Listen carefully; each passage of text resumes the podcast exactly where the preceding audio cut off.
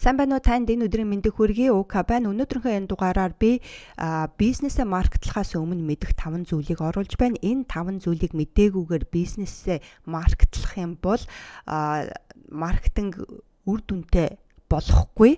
Тийм учраас энэ 5 зүйлийг заавал мэдэх хэрэгтэй. За тэгэхээр энэ 5 зүйл юу вэ гэдгийг өнөөдөр би тантай хамт танд хуваалцаж байгаадаа маш их баяртай байна та хүс хий хөр уука төмрийн хамт подкаст сонсож байна.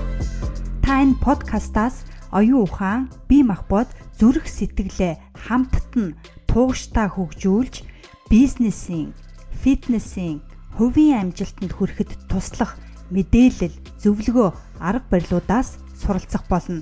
Хэрвээ та амжилтанд хүрэх хүсэлтэй бол нааша суугаад подкастаа сонсноо. Бизнеснээ маркетлснаар бизнес руугаа трафик татаж эхэлнэ. Хэрвээ та сайн маркетлж чадах юм бол их хэмжээний трафик татна. А тэр татсан трафик тийм ээ таны вебсайт руу орно, сошиал медианууд руу ч орно тийм ээ.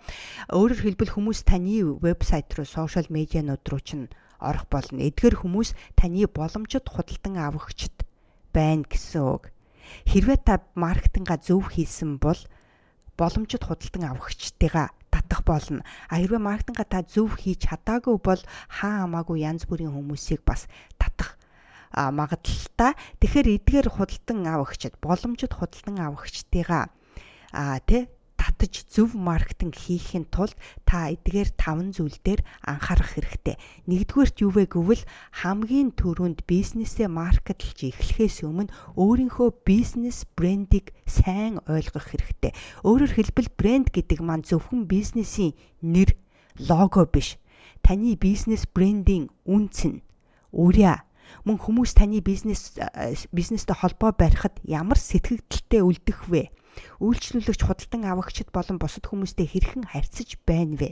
Хэрхэн харагдаж байна вэ? Таны бизнесийн дуу хоолой, story, message гэх мэт зүйлүүдийг хэрхэн түгээж байгаагаас хамаарагдана. Таны бизнесийг аль ч талаас нь харсан дуу хоолойгоо нэг янзын ижилхэн, тууштай түгээж байж жинхэнэ брэнд үүснэ.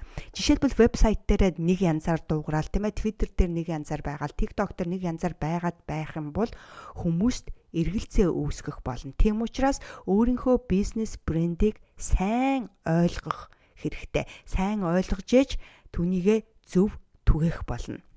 За ингээ хоёрдугаарт бизнесийнхээ вебсайтыг хэрэглэгчдийн өмнөөс бодож бүтээх нь чухал байдаг.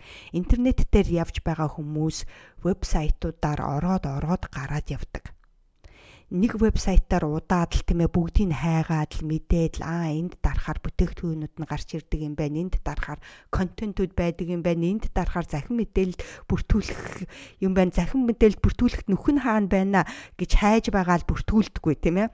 Орлоо үзлээ нүдэн тусгаар юм байвал харна үгүй бол шууд гараад явдаг. Тиймээс хэрэглэгч таны вебсайт руу орохоор та хэрэглэгчдийг юу уншаасаа гэж хүсэж байна вэ? Юу хараасаа гэж хүсэж байна вэ? Товчхон хэлэхэд юу хийлгүүлэх хүсэлтэй байна вэ тэр бүгдийг энгийнээр тавьж өгнө. Мөн хүн ороод хэрэглэхэд амархан дэндүү нуршуу биш товч буюу тодорхой ашиглахад амархнаар бүх зүйлийг байрлуулна гэсэн үг. Жохон хиг ёг үүсгэхэд хүн шууд гараад дараагийн сайт руу ордог гэдгийг мэдхэд илүүтэхгүй. Хэрвээ та вебсайтаараа дамжуулж бүтээгдэхүүн үйлчилгээгээ зардаг бол төлбөр хийхэд амархан ойлгомжтой болох нь чухал. Үгүй бол за дараа орж ирээд худалдан авъя гэд гараад явдаг. Гараад явсан бол босож орох нь бас ховор. Тиймээс Google-ийн эсвэл өөр аль нэг софтвер, аналитикийн софтвер хэрэглэж өдөрт хичнээн хүн вебсайт руу ч орж байна вэ? Хичнээн хүн бүртгүүлж байна вэ?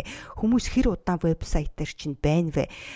Вебсайтыг чинь аль хуудас илүү сайн ажиллаж байна вэ, тийм ээ? Аль нь муу ажиллаж байна вэ гэдгийг харж дүгнэж цасч байх нь зүйтэй. Хэрвээ хүмүүс таны вебсайт руу ороод 30 секунд хүрэхгүй шууд гараад явж байгаа бол таны вебсайт хэрэглэгчдэд огт таалагдахгүй байна гэж ойлгож болно. Тэм учраас тэр аналитикээ хараад дүгнэж цэгнэж байх нь зүйтэй. За ингээ 3 дугаарт бизнесээ маркетлахаас өмнө мэдэх зүйлүүдэд би юу оруулж байна вэ гэвэл хэрэглэгчтэй таньж мэдэх хэрэгтэй. Худалдан авахчтай, үйлчлүүлэгчтэй таньж мэдэх хэрэгтэй. Би танаас асууя. Таны худалдан авахчид, үйлчлүүлэгчид хэн бэ? Тэгэхээр хүмүүсээс асуухад хүмүүс өө би бүхэл хүмүүст бараа бүтээгдэхүүнээ зармаар байна. Бүхэл хүмүүст авах боломжтой гэж хариулдаг л да. Жишээлх юм бол хэрвээ та 18-аас дээш насны бүх эмэгтэйчүүд гэж хариулж байгаа бол маш буруу. Бүх эмэгтэйчүүд гэвэл буруу. Хэрвээ та 18-аас дээш насны заа заа хүүхэдтэй эмэгтэйчүүд гэж байгаа бол бас буруу.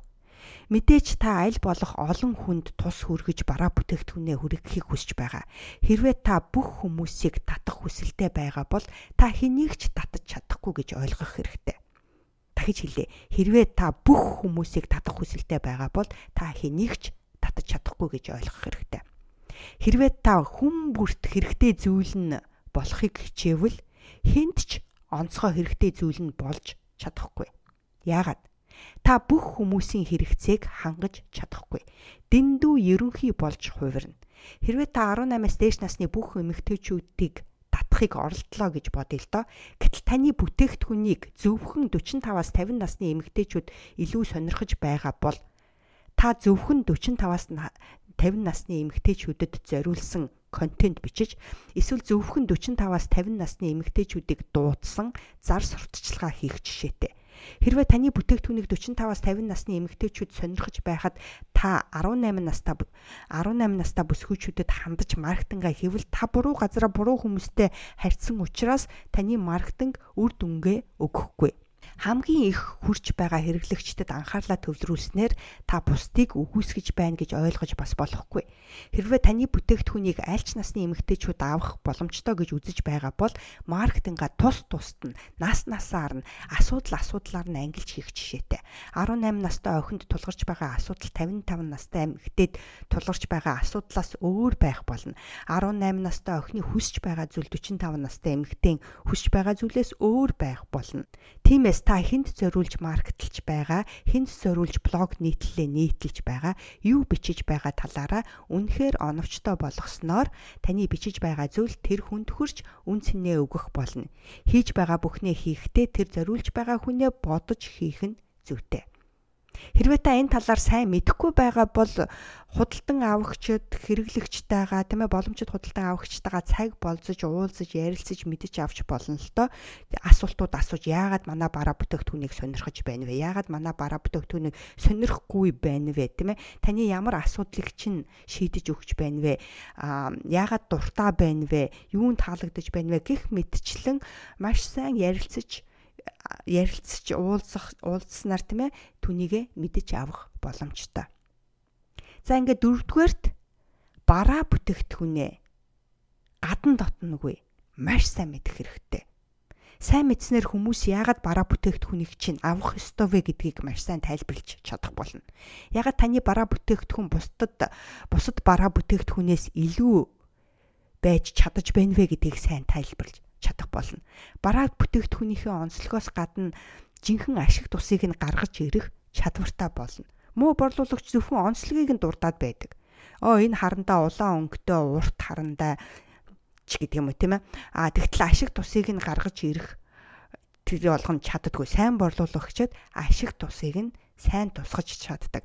Жишээлбэл та хар өнгийн даашинз борлуулаа гэхэд ихэнх хүмүүс даашинзныхаа өнгө, урт богныг, дуртахаас гадна модыг нь дөрсөлж зардаг байхад сайн борлуулагч бол энэ даашинзыг өмснөөр маш сайхан харагдаж байгаа гин тийм ээ. Өөртөө итгэх итгэл нь хэрхэн нэмэгдэх тухай нөхөртөө хэрхэн гоё харагдаж нөхрийн хайр хэрхэн яаж ихсэж амьдрал ямар гоё болох зэргийг дурддаг байх жишээтэй.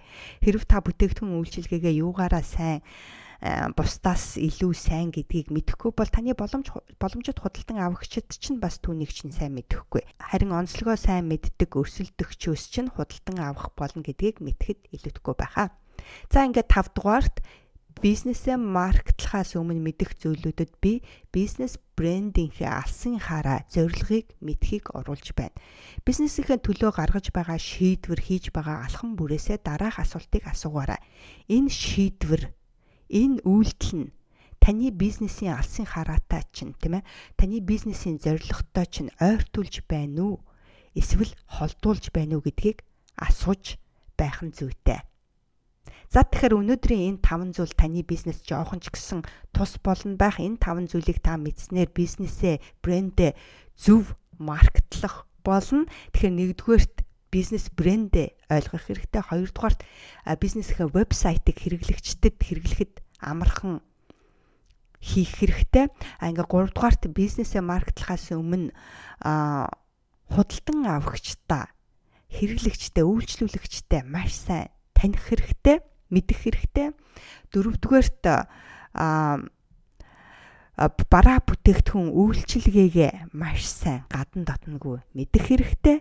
Ингээ эцэст нь өөрийнхөө бизнес брендийнхээ алсын хараа зорилгоо өөртөө сайн сануулж мэдэх нь чухал юм а хэрвээ танд энэ хүү бичлэг таалагдсан бол цааш нь хэрэг болох хүмүүст дамжуулаараа. А мөн та цаашид бизнесийн маркетингийн мэдээлэл хүлээж авах хүсэлтэй бол та миний подкастыг дагаараа бүх талбарууд дээр байгаа. Spotify, Apple Podcast, Amazon Podcast, Google-ийн podcast бүгдээрэнд нь байгаа. Та өөрийнхөө сонирсох дуртай тэр талбар руу ороод та дагаараа мөн YouTube сувагт та бүртгүүлээрээ тэнд бас оруулж байгаа мөн та uka.com руу ороод миний захин мэдээлэлд бүртгүүлэх юм бол би таны имэйл рүү чинь цаг тухай үед нь шинэ мэдээллүүдээ явуулж байх болно.